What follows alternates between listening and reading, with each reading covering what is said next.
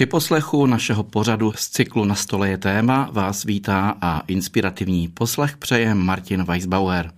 Dnes budeme mít na stole téma snoubenců, respektive téma příprav snoubenců na darování se v manželství.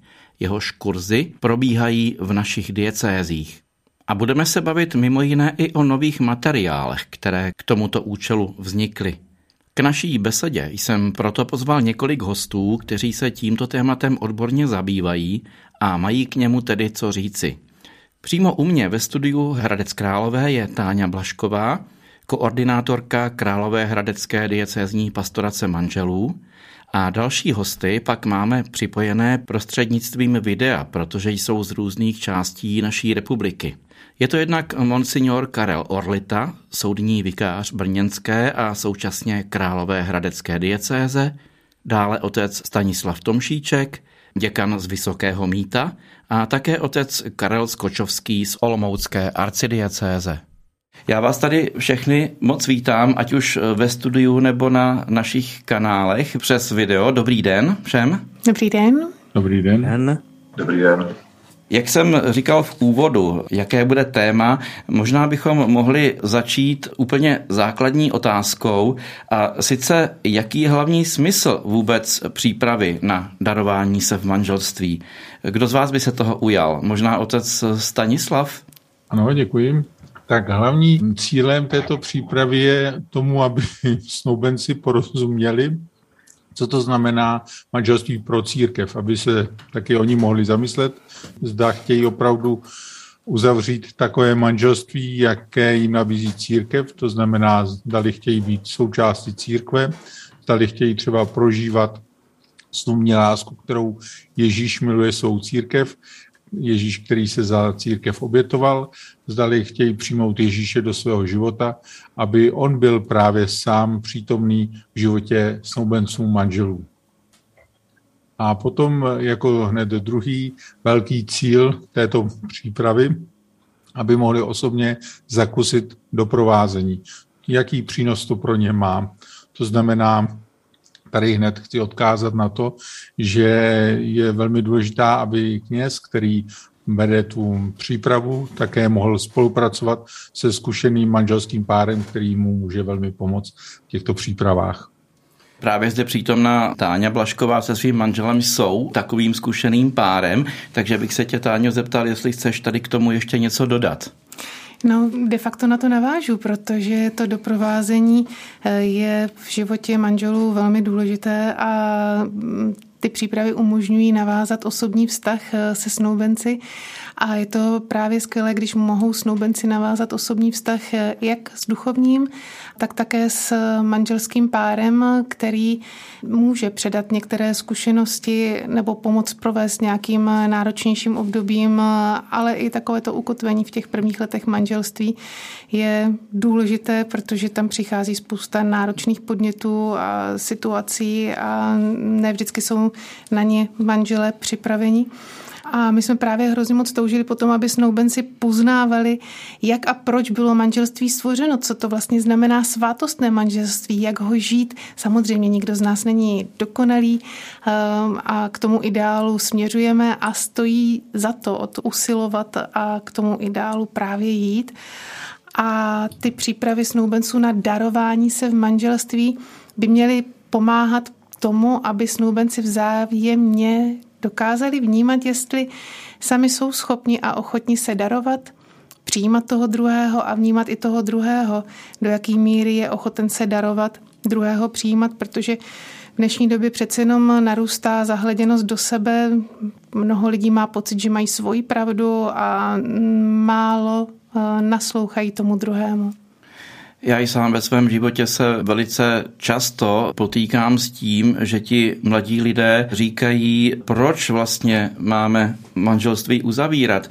Vždyť my si ušetříme spoustu problémů, pokud by něco neklapalo, můžeme jít od sebe snadno bez nějakých rozvodových tahanic a tak dále.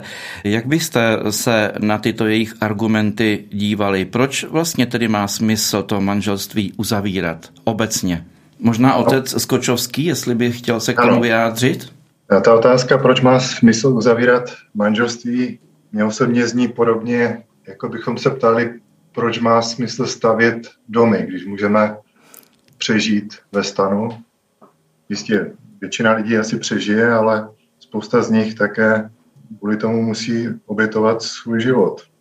Takže to manželství je prostor, ve kterém se může láska mezi mužem a ženou skutečně rozvinout. Protože, jak říká jedna francouzská karmelitka, láska to je dát sám sebe a dát se celý.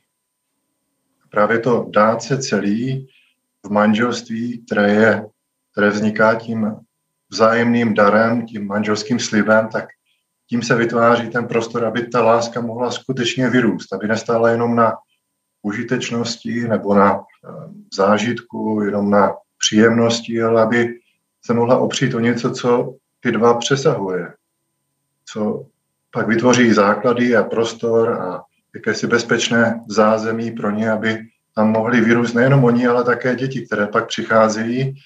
A to manželství ještě, když ho chápeme nejenom jako věc přirozenou, ale jako věc boží, tak si uvědomíme, že to je neuvěřitelný boží dar pro samotné manžele, pro tento svět i, i pro církev.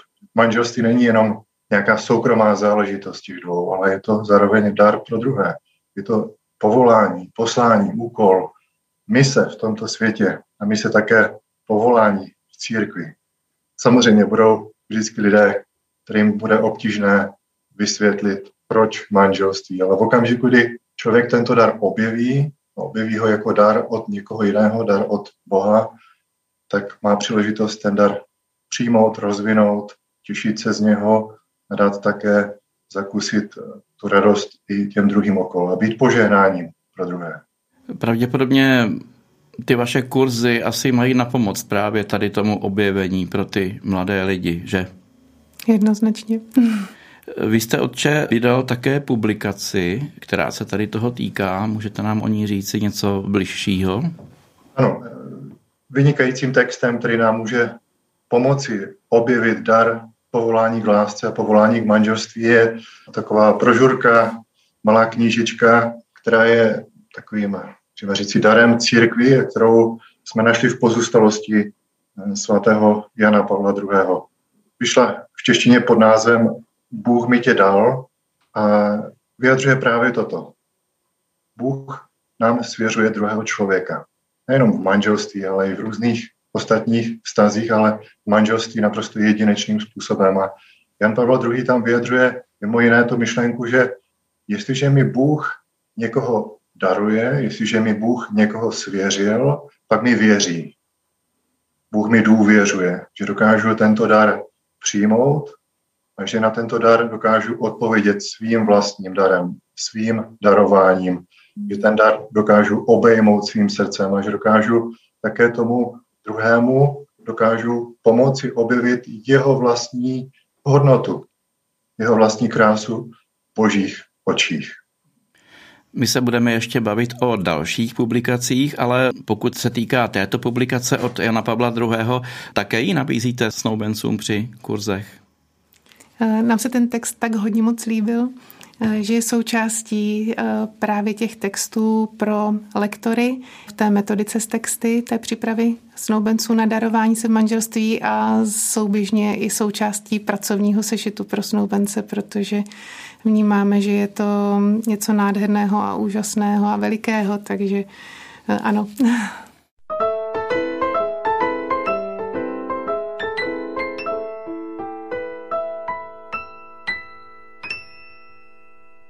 Na Radiu Proglas posloucháte pořad Na stole je téma, který tentokrát věnujeme přípravám snoubenců na darování se v manželství. K té literatuře se určitě ještě dostaneme, ale teď možná bychom ještě mohli si osvětlit otázku, jaký je rozdíl mezi svátostně uzavřeným manželstvím a manželstvím uzavřeným před Bohem. Mám dojem, že hodně lidí to zaměňuje, tyto pojmy. Možná víc než hovořit o nějakých rozdílech, možná bylo lépe hovořit o pochopení, porozumění toho, co to je vlastně svátostné manželství.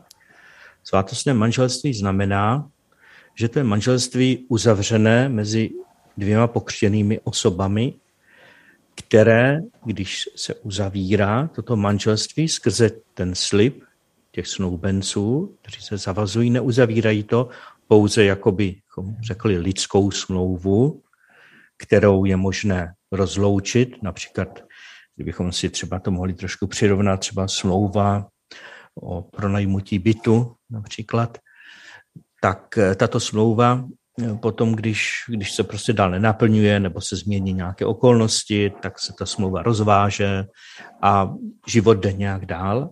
Ale smlouva, která je mimořádnou smlouvou při uzavírání manželství, protože se, jak zaznělo před chvílí, darují dvě osoby navzájem, je smlouvou, která je uzavírána před Bohem, ale nejenom před ním, dovolím si použít takové přirovnání, manželství svátostné, tedy mezi dvěma pokřtěnými osobami, není pouze smlouva manželství, které je podobné každému jinému manželství, které není uzavřeno mezi pokřtěnými osobami a ta svátostnost, to, že to je před Bohem, jak se někdy říká, ta svátostnost jako by bylo něco navíc, jako bychom si to mohli přirovnat, že nějaká hospodyníka upeče třeba bábovku, bábovka je to přirozené manželství a potom k tomu něco přidá, že to pocukruje nějakým cukrem, takže to je vlastně jakoby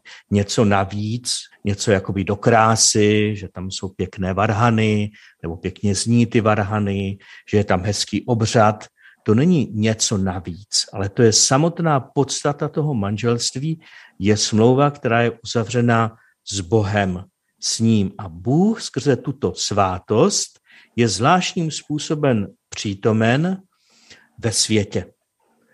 Samozřejmě, že pro ty manžele, ale také pro všechny ostatní, to znamená pro celý svět. Svátost je vždycky způsob přítomnosti, výhradní, mimořádný způsob přítomnosti Boha potom ve světě. Například, kdybychom si svátostné manželství chtěli přirovnat například k Eucharistii, tak chápeme, že Eucharistie jako přítomnost svátostného Krista podobě tedy chleba a v podobě prostě vína, neboli tedy krve Kristovi, je mimořádný způsob, kdy Bůh se nám daruje a dává. A jistě, že posluchači předpokládám, budou rozumět tomu rozdílu mezi obyčejným chlebem, mezi obyčejným vínem a mezi tělem Kristovým, tedy Eucharistii, a mezi krví Kristovou. Jistě pro pochopení těchto věcí člověk musí mít víru, protože jestliže nemá víru, tak svými smysly nerozpozná tento rozdíl. Eh, proměněná hostie nemá jinou chuť než ta neproměněná například. Tak podobně i to manželství, které je svátostí, je úplně jiné manželství, je ontologicky jiné manželství, bytostně jiné, než vlastně to manželství, které je přirozené, což je taky jistě, že velká hodnota. A dokonce um, podle učení velkých učitelů církve, třeba svatého Tomáše, který říká, že milost předpokládá přirozenost, tak jistě, že ty přirozené kvality, schopnosti, lidství člověka je nezbytné k tomu, aby mohlo vzniknout svátostné manželství. Takže jestli se podařilo trošku vysvětlit tento rozdíl a když tak poprosím i ostatní, jestli by to chtěli potom ještě nějak více doupřesnit. Tak já děkuji otci Karlovi Orlitovi za takovou průpravu před tím naším dnešním rozhovorem. Nevím, jestli ještě někdo by k tomu chtěl něco dodat z vás? Asi ne. Takže můžeme přistoupit už k další části našeho rozhovoru, už přímo tedy k tomu tématu. Zajímalo by mě na začátku, jaké vlastně byly impulzy pro vytvoření nové metodiky příprav pro manželství. Možná bych poprosil nejdříve otce Stanislava. Pro nás byl takovým velkým impulzem tříleté studium manželství a rodiny, které probíhalo na Vranově u Brna, které bylo pod záštitou Institutu Jana Pavla II. při Lateránské univerzitě v Římě. Potom jistě velkým impulzem byla pastorační zkušenost, kterou máme, když konáme přípravy snoubenců a když doprovázíme manžely. My jsme se potom také setkávali několikrát v takové užší skupině, když jsme přijeli na faru, tehdy to bylo do Svojanova, a tam jsme s otcem Karlem Skočovským, s Maruškou Friedrichou, právě s Táňou Blaškou a s dalšími se scházeli nad různými přípravami, které jsou v rámci celé České republiky. Měli jsme tam také přípravy ze Slovenska a právě jsme se inspirovali, co by asi tak jsme mohli použít, jaké témata vybrat a tak dále.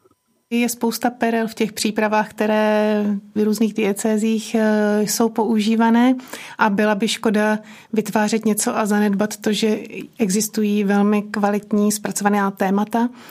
A zároveň eh, jsme měli právě tu velikou touhu, aby v těch tématech eh, se objevilo právě to darování se v různých aspektech manželského života protože se setkáváme běžně s tím, že manželé neznají své poslání a ani i když mají uzavřené svátostné manželství, neumí z něho čerpat. Takže se to pak promítá i do toho nepochopení své služby, dá se říct i vůči sobě navzájem, toho darování si lásky a taky směrem eh, k druhým a eh, často se setkáváme s tím, že duchovní jsou na mnohé věci sami a že se manželé úplně tak jako nezapojují ve farnostech. Je to samozřejmě různé a právě ta znalost a porozumění tomu, jaké poslání to manželství má a jaká je jeho krása a jakým způsobem se skrze manželství ukazovat boží lásku tady na zemi,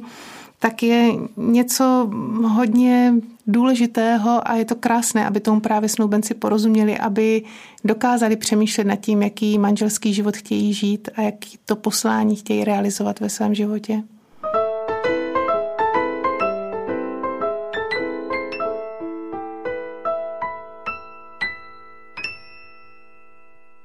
Našem pořadu na stole je téma se dnes bavíme o přípravách snoubenců na darování se v manželství. Zdá se mně, že by asi bylo vhodné některé tyto části kurzu přenést i na manžele, kteří už jsou svojí. Protože, jak říkáš, stále mnoho manželů, kteří už jsou spolu třeba delší dobu, úplně nepochopilo ten smysl. Je to tak, já se přiznám, že nás to s manželem obohacuje do posud, i když jsme de facto tvořili všechny ty texty společně, tak eh, to, že je můžeme průběžně opakovaně procházet, tak to velmi posiluje i naše manželství a jsem za to Bohu nesmírně vděčná, protože je to nádherný vztah. A opravdu jmenuje se to sice příprava snoubenců na manželství, nicméně je používána už, co tak jako jsme zachytili eh, různým způsobem, třeba jako příprava manželů na obnovení manželského slibu nebo ve společenství manželů, takže je to opravdu text, který je krásně bohatý a velice obohacující právě i pro manželské páry. Začal se už tento text využívat, alespoň v naší diecézi, anebo v diecézích tady našich dalších respondentů? Eh, jsou už místa, kde opravdu ten text eh, krásně žije a kde právě společenství manželů ho využívají a nebo konkrétně už při těch přípravách snoubenců na manželství, takže jsme za to opravdu moc rádi. A zároveň eh, vnímám právě že jeden z takých z hodně důležitých impulzů, proč tohle všechno vzniklo, byly i situace, kdy se setkáváme často díky doprovázení manželů s velkými těžkostmi. A velmi často pramení z toho, že netušili, nevěděli, nebyli připraveni na to, co vlastně manželství obnáší. A k tomu by určitě mnohem víc mohl říct otec Karel Orlita. Ano, právě jsem se vás, otče Karle, chtěl zeptat, jaké byly vaše pohnutky pro spolupráci na této nové metodice? Já pracuji na církevních soudech, kde řešíme eh, problém manželství tehdy, kdy nastanou hm, jaksi problémy nebo kdy manželství zkrachuje, jinými slovy. To znamená, můžeme říci, kdy to manželství je jakoby mrtvé. Můžeme to trošku přirovnat k tomu, že zde je taková pitevna, taková patologie. Je to něco podobného, někdy když třeba některý člověk zemře nějak náhle, tak se nařídí vlastně pitva, nebo je to nějaká neznámá nemoc, tak se to vlastně nějak zkoumá. A tady, když žádají ti žadatelé, žalobci, to znamená manželé, zkoumání platnosti svého manželství a žádají o prohlášení neplatnosti, tak naším úkolem je hledat pravdu o tom manželství. Častokrát to znamená podrobit zkoumání všechny věci, které se udály už přitom, když spolu chodili, když uzavřeli manželství a také, co následovalo. Takže zde máme potom celý takový obrázek toho, jaké byly motivace těch lidí. Proč třeba tam vstupovali, kde byl vlastně ten nedostatek.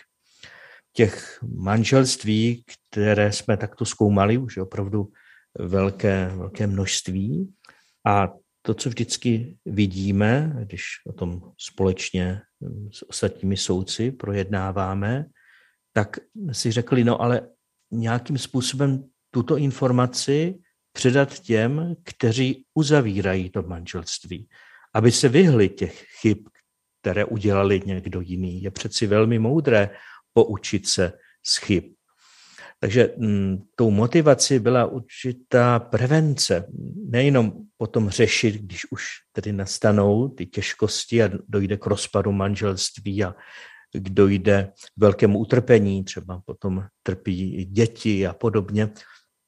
Kdo si něco takového prožil, tak asi ví, o čem hovořím, ale o té prevenci, aby k tomu vůbec nedošlo.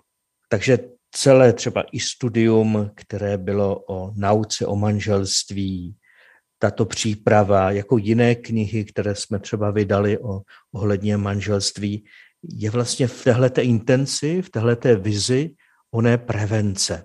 Jistě, že nikdy nemůžeme dosáhnout 100%, ale můžeme informovat, můžeme říct, můžeme vlastně prohloubit tyto skutečnosti a můžeme do pomoci k tomu, aby to manželství bylo nejenom platným, ale manželství šťastným, aby bylo radostí pro všechny ostatní, to znamená pro manžele, ale pro církevní společenství a celou naší společnost k té věci. Takže toto je ten důvod, proč jsme se do toho jakoby zapojili a proč je velice dobrá tahle ta příprava na manželství, protože pomůže skutečně uvědomit si ty základní hodnoty a význam a poslání manželství, které snoubenci na sebe přijímají. Já bych trochu navázal na to, co jste teď říkal. Obecně je známo, že počty rozvodů neustále stoupají. Jak je to u katolíků, respektive u manželství uzavřených v církvi? Je tam ten trend obdobný? Trend, který je u všech ostatních manželství, je zároveň podobný i u manželství, které jsou uzavírány u katolíků.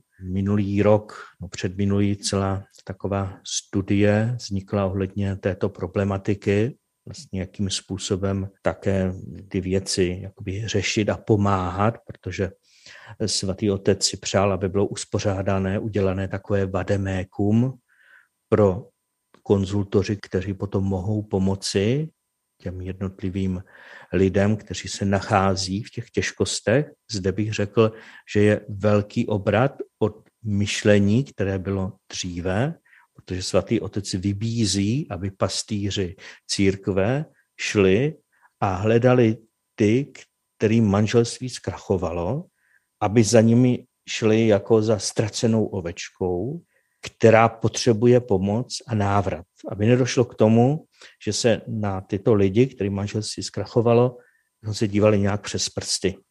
Protože to je velice laciné a jednoduché takové posouzení, my se manželstvím tady odborně zabýváme, a to nejenom soudci, ale také psychologové, když tedy zkoumáme tu platnost toho manželství a víme, jak je to složité.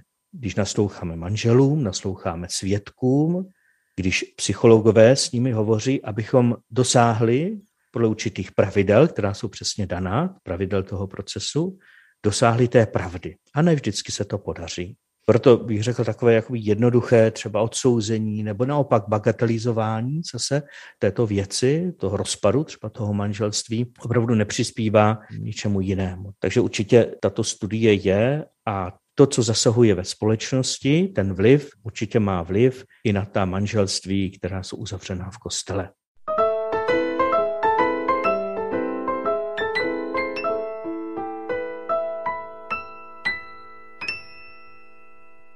Dnes se všude setkáváme s pojmem krize manželství. Jakou vy máte tady s tím zkušenost za svou bohatou praxi? Určitě máte vytipovány nějaké příklady, které vedou nejčastěji ke krizi manželství u křesťanů. Co je to podle vás? V našich diecézích, můžu říci, mluvím teď za brněnskou diecézi a za hradeckou, kde zkoumáme, kde jsem soudním vikářem a zkoumáme manželství, asi největší problém není nějaká zlá vůle těch, kteří uzavírají manželství, že by chtěli vylučovat něco, tedy že by nechtěli říct pravdu nebo že by nechtěli uzavřít to manželství, ale velmi často je to psychoafektivní nezralost těch osob. To znamená ta neschopnost rozvážit a vidět, co to vlastně manželství je. Že tomu, aby člověk mohl platně uzavřít manželství, musí mít aspoň minimální schopnost praktického, praktického úsudku o tom, co to znamená a jaký závazek to potom sebou nese.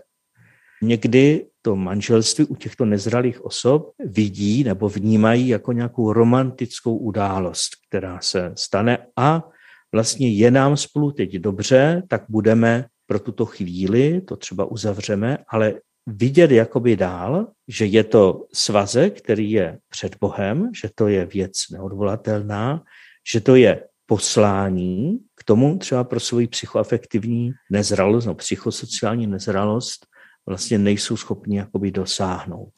Takže toto je jakoby největší problém. Druhá věc je určité poškození, které osoby přináší ze svých primárních, tedy původních rodin je těžké si představit pro někoho, co to je třeba věrnost jednoho druhého, když zkušenost té osoby, toho snoubence z rodiny je naprosto odlišná. Když maminka například střídá nejrůznější jiné partnery nebo prostě tatínek, když vlastně nemá zkušenost s věrnosti a nemá zkušenost s tím velikým darem darování se, teď to zní tak dvojace, ale, ale je to opravdu tato zkušenost se darování navzájem, což sebou nese i někdy nějaké zapření, nějaké překonání těžkosti, nějakou trpělivost třeba v těch věcech, které jsou investování neustálého do toho vztahu, chápání toho, že vztah sám o sobě, když do něho nebudeme investovat, tak nebude dobrý, protože to je určité úsilí, darování vždycky úsilí, než to v zamilovanosti to jde přirozeně. Později člověk musí prohloubit svoji lásku, která znamená darovat se, to znamená udělat ten úkon vůle v těch jednotlivých věcech každodenního života, v té každodennosti. Máte někdo ještě z vás nějaké další podobné zkušenosti, na čem nejvíce stroskotávají manželství u křesťanů? Buď bych mohl tak eh, častokrát, když mluvíme s manželí, jimž se manželství rozpadlo nebo který prochází nějakou opravdu velkou krizí, tak je to o tom, že ti manželé zůstávají sami se svým problémem. Sice ho nějakým způsobem snaží se sami řešit, ale někdy to je právě ještě tím víc složitější, jak se do toho postupně zamotávají a častokrát vnímám, že by stačilo, kdyby si jich někdo povšimnul a právě třeba právě tak, jak eh, jsme se to pokusili napsat eh, v tomto materiálu jim pomohl, aby si mohli opravdově naslouchat, aby pochopili, co to znamená, že se mají opravdu rádi, jak si konkrétně tuto lásku vyjádřit, jak se řeší různé těžkosti, spory a tak dále a tak dále a vnímám, že právě v tom je velký úkol doprovázení, který je svěřen nejen nám kněžím, ale také manželům, aby doprovázeli další manžele právě v těchto těžkých situacích. A vnímám, že by to mohla být velká pomoc právě v těch začátcích, kdy se ty těžkosti ještě nechají překonat, kdy ti manželé nejsou od sebe třeba tak citově vzdáleni, kdy se tolik ještě nezraní. A že potom mohou takhle i druzí manželé nebo snoubencům, pokud se to týká snoubencům, protože i oni mezi sebou řeší různé těžkosti, může takhle někdo pomoci překonat těžkosti a udělat tu právě krásnou zkušenost, že problémy jsou řešitelné, že s pomocí lásky, víry a samozřejmě také druhých, kteří jim konkrétně pomůžou, lze překonat různé těžkosti.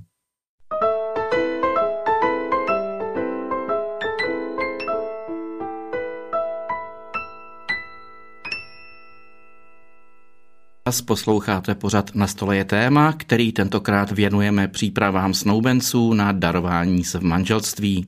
My se teď vlastně dostáváme obloukem zpět zase k tomu kurzu pro ty novomanžele. Tam by se vlastně měly všechny tyto aspekty projevit a objevit, jestli tomu dobře rozumím, o ano. kterých jsme teď mluvili. Ano. S tím souvisí vlastně moje další otázka.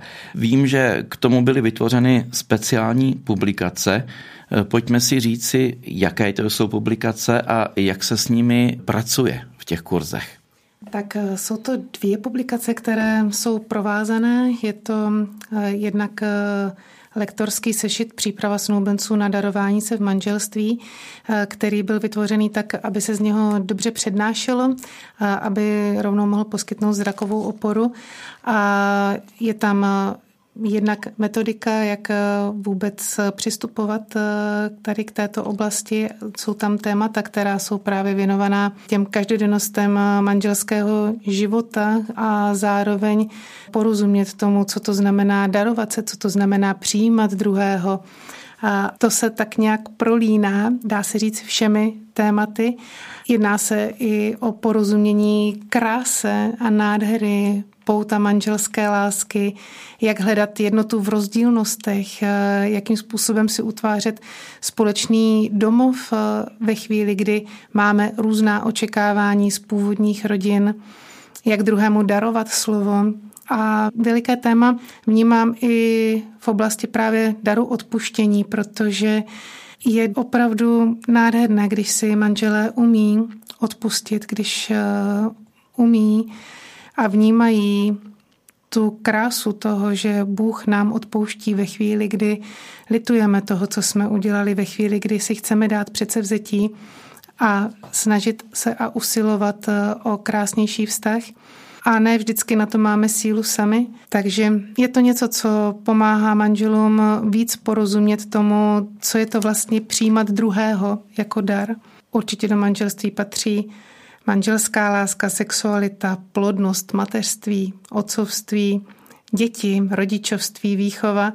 A co vnímáme jako takové jako opravdu velmi zásadní a důležité porozumět i zrání manželské lásky, jaká je vlastně ta cesta svatosti a jsme moc rádi i za zpětné vazby některých zkušených lektorů, kteří vnímají, že tak, jak tady ty materiály jsou připravené, že pomáhají porozumět tomu, jak žít tu manželskou lásku spolu s Kristem, v Kristu, jak právě On je tím, kdo nám pomáhá, abychom uměli druhého milovat i přesto, že zamilování vyprchá, jak se přenést přes těžké situace, jak hledat tu cestu, jak s tím pracovat, jak chtít dobro druhého. Takže je to taková veliká škála toho, s čím se manželé setkají a právě ty zkušenosti z doprovázení nás vedly k tomu, abychom se dotýkali těch témat, zejména v těch oblastech, které potom eh, mohou být prevencí pro ty těžkosti, kterými mnozí v manželství prochází.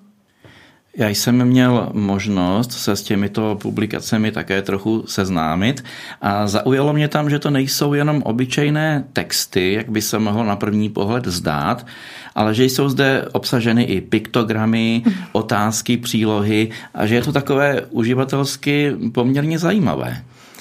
Je to připravené právě proto, aby se s tím dobře pracovalo jak duchovním, tak manželům, kteří s těmi tématy pracují. A zároveň, aby měli dostatek podpory, jako třeba jsou i webové stránky, kde najdou prezentace, obrázky, odkazy na filmy, takové kratičké různé ukázky toho, jak víc porozumět tomu tématu a zároveň to, že si snoubenci odnáší svůj vlastní pracovní sešit, kam si zapisují svoje poznámky, svoje očekávání, svoje představy, jak co prožívají, tak jim to pomáhá, aby měli něco, k čemu se můžou vrátit ve chvíli, kdy přemýšlí nad tím, má mě vůbec ten můj manžel rád nebo ta moje manželka, aby si mohli připomenout tu krásu toho začátku, protože ve tmě těch těžkostí eh, mnohdy máme krátkou paměť a zapomínáme i na to hezké. Vypadá to, že ti snoubenci dostávají asi i domácí úkoly, protože tam jsou další odkazy, které by si měli nebo mohli prostudovat mimo ty kurzy. Je to tak? Dokonce bych řekl, že to je to, nechci říct, nejdůležitější v těchto eh, materiálech, ale je to velmi podstatná část přípravy, protože právě záleží na snoubencích, kolik do toho sami investují a nakolik sami si projdou právě jednotlivé otázky, materiály, texty, které je mají navést, aby sami mohli si naplánovat a rozmyslet, zdali opravdu eh, se znají dobře, zdali opravdu sdílejí stejné hodnoty a jak vlastně chtějí sami ve svém budoucím manželství si nastavit různé situace a jak právě oni mohou prožít eh, tyto témata. Takže to je velmi důležitá část také celé přípravy. Ano, zaznělo, že to je velmi důležitá část, ale já když se vrátím k té části první, to znamená k těm samotným kurzům, mohli bychom si upřesnit, jak dlouho ty kurzy trvají, to znamená, eh, po jaké časové období ti snoubenci docházejí do kurzu a také, jak dlouho trvají ty jednotlivé lekce nebo ta jednotlivá sezení. Dovolil bych si říci, že jsme dopřáli snoubencům dostatečný čas na to, aby si ty témata mohli projít promyslet a tedy jim nabízíme 10 setkání. Každé setkání trvá zhruba tak dvě hodiny, pokud chceme prodiskutovat všechny materiály, které jim nabízíme. Samozřejmě, jak už jsem říkal, ten také je důležitý ten čas, který si oni sami povídají o otázkách a tématech, které jim jsou nabídnuty. Jak často se scházejí?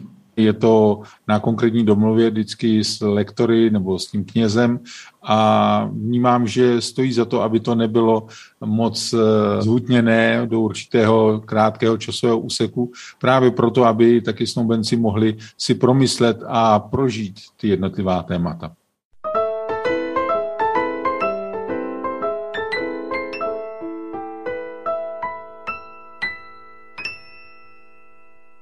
My se teď tady bavíme o nějakém průběhu těch příprav. Je ten průběh stejný pro všechny naše diecéze, anebo mluvíte jenom za diecézi svojí?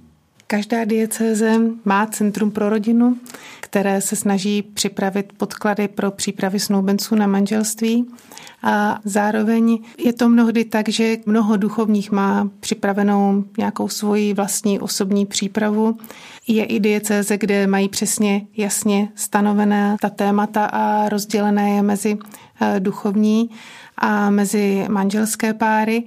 A Často je to o tom, že lidé třeba využívají i nějaké skupinové přípravy na manželství a určitě se také mluví o tom, že by měla být určitá škála a pestrost možností právě těch příprav na manželství, protože každý je v jiné situaci. My jsme si vyzkoušeli tady u této přípravy ve spolupráci s mnoha snoubeneckými páry, že dokážeme jít velmi dohloubky s těmi, kteří jsou praktikující a zároveň jsme udělali zkušenost opravdu úžasu a velkého obohacení těm, kteří o víře téměř nevěděli, protože byli pokřtění a tím to tak jako nějak končilo a s úžasem hleděli právě na tu lásku, kterou nám Bůh dává a učí nás eh, s ním spolupracovat a tu lásku rozvíjet. Jsme měli za nedávné období zkušenost tím, že se ve dvou případech lidé rozhodli eh, jít cestou katechumenátu směrem ke křtu, takže to bylo takové velké obohacení pro ten manželský pár nebo zatím snoubenecký.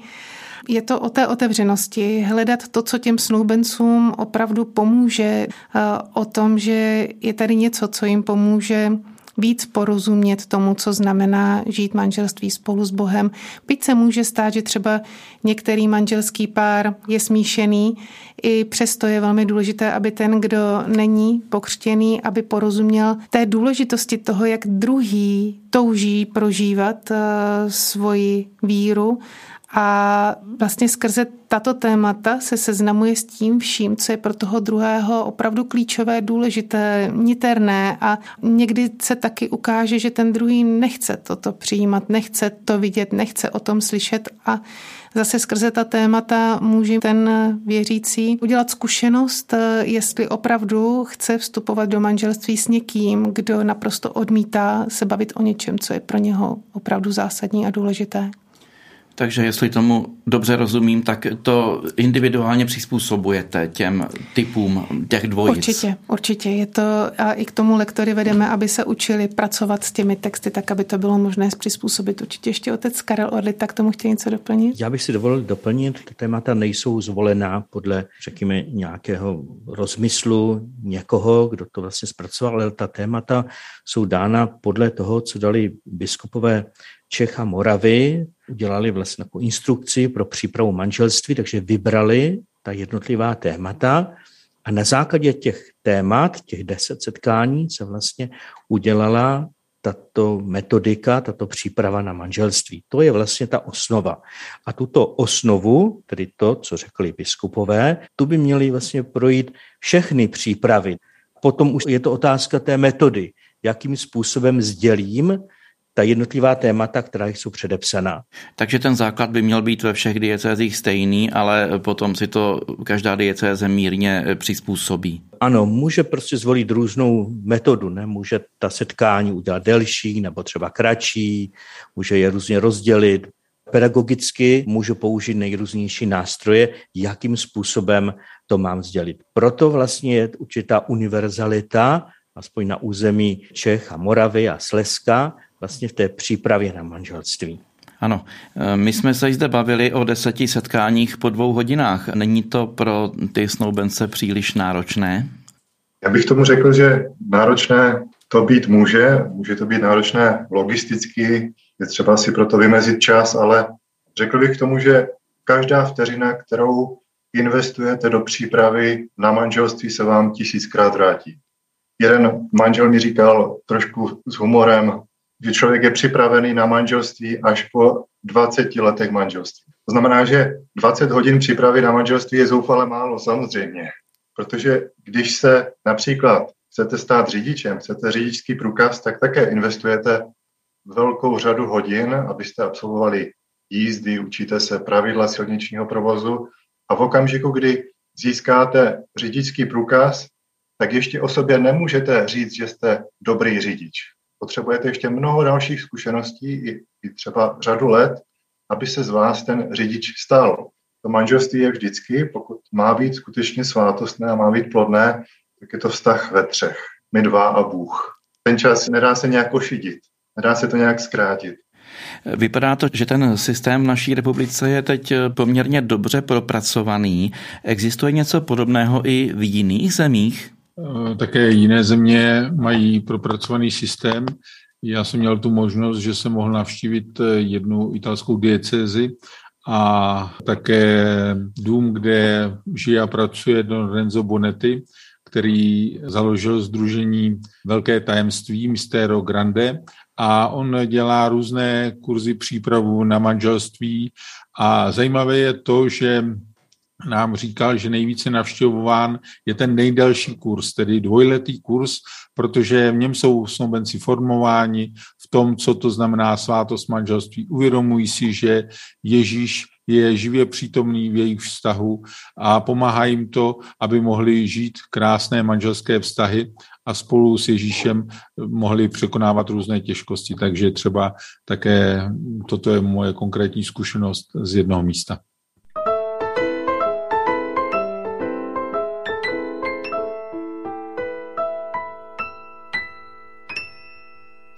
No a jelikož náš pořad pomalu, ale jistě se chýlí ke konci, tak bych byl rád, kdybyste mě každý z vás mohl říci, jaká je vaše představa pro další směr ideálního vývoje pro nejbližší budoucnost tady v této oblasti. Tak já bych mm, k tomu eh, řekl takovou věc, že je pro mě velkým takovým potěšením, co rozhodl papež František, o čem častokrát už dříve mluvil, vlastně o takové katechumenální cestě, tak jak je katechumenát ke křtu, tak jako katechumenát snoubenců před uzavřením manželství. A dikasterium pro lajky k tomu vydalo vlastně už celou publikaci, jsou takovou instrukci, to můžeme nazvat, směrnici, jak to vlastně má probíhat. Ta příprava na manželství je tam vlastně na rok. Svatý eh, otec František, který tam píše úvod k celé, k celé této instrukci, tam potom vyzývá vlastně všechny, kteří jsou v pastoraci k tomu, aby měli tu odvahu a opravdu šli touto cestou a těším se z toho, že to také nějak implementujeme do života České a Moravské církvy. A to si myslím, že je, je cesta, kterou ukázal papež František eh, do budoucnosti a určitě se, myslím, všichni budeme snažit to nějakým způsobem vtělit do života zde. To byl otec Karel Orlita. Teď bych poprosil eh, možná otce Stanislava ještě, jestli by k tomu měl nějakou no. poznámku. Jaký by měl být další vývoj? Už jsem o tom trošku mluvil a to je doprovázení manželů, protože tyto materiály, které nabízíme, doprovázejí snoubence k tomu, aby uzavřeli manželství a potom právě je důležité nezapomenout na ně, nenechat je opuštěné, ale jít s nimi dál jejich životní cestou podle možností a samozřejmě vhodnosti, aby tak mohli jak kněží, tak zkušené manželské páry pomáhat manželům, aby jejich manželství bylo stále krásnější.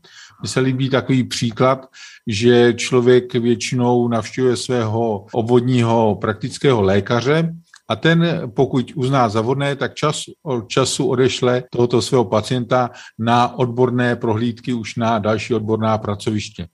A to je přesně ten příklad, který bych chtěl uvést. Tak jako my kněží ve farnostech eh, ostatní manželé, když se setkáváme s ostatními manželi, s ostatními lidmi, tak můžeme také je tak doprovázet. Není třeba, abychom byli přímo odborníky na psychologii, psychoterapii a tak dále, ale ve chvíli, kdy vidíme, že ten konkrétní manželský pár začíná mít jako už vážné těžkosti, tak jim můžeme zprostředkovat a nebo jim nabídnout právě další odbornou pomoc.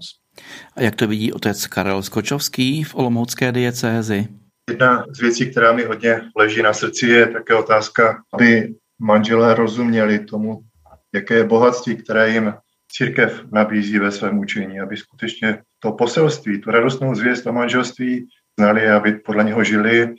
Pak se to týká také otázky odpovědného rodičovství, aby skutečně manželé měli tu možnost absolvovat například kurz přirozeného plánování rodičovství, aby se to stalo skutečně něčím normálním a běžným, běžným že takto žije skutečně křesťanský pár, který chce žít s Kristem, požívat i svoji sexualitu a plodnost v boží blízkosti. Úplně v závěru našeho pořadu, pokud by naše povídání někoho zaujalo a měl by zájem sehnat si materiály, o kterých jsme mluvili, případně se přihlásit do kurzu, co pro to může udělat? Táňo. Je možné najít informace na webových stránkách Biskupství Královéhradeckého pod Centrem pro rodinu. Je to v sekci formace manželů a tam je nabídka jak kurzu, které souvisí eh, tady s přípravou snoubenců na manželství, tak co se týká doprovázení. Eh, jsou tam i kontakty, takže určitě je možné se domlouvat. I s čím máme velmi dobrou zkušenost je také to, že při duchovních obnovách manželů se některá ta témata dají krásně otevírat a zároveň je to příležitost, jak nacházet nové spolupracovníky.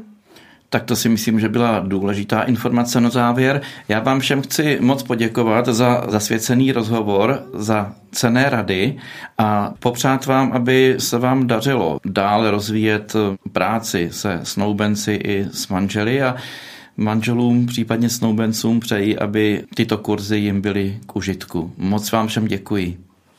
Děkujeme. Děkujeme. Děkuji. A jestli mohu, tak rád bych poděkoval všem, kteří se zasloužili o to, aby tyto publikace mohly výjít a také samozřejmě všem těm spolupracovníkům, kteří s námi konzultovali a utvářeli tyto materiály, protože dovolil bych si říct, že to není pouze naše práce, ale že tam je v tom zahnuto mnoho dalších, kteří bohužel nemůžou být jmenováni, ale kterým moc děkuji za jejich spolupráci. Díky. To byli hosté našeho pořadu věnovaného přípravám snoubenců na darování se v manželství a nové metodice kurzů pro snoubence. Já moc děkuji Táně Blaškové, koordinátorce Královéhradecké diecézní pastorace manželů, monsignoru Karlu Orlitovi, soudnímu vikáři Brněnské a Královéhradecké diecéze, otci Stanislavu Tomšíčkovi, děkanovi z Vysokého Míta a otci Karlu Skočovskému z Olomoucké arcidiecéze. Ze studia Hradec Králové se loučí Martin Weisbauer.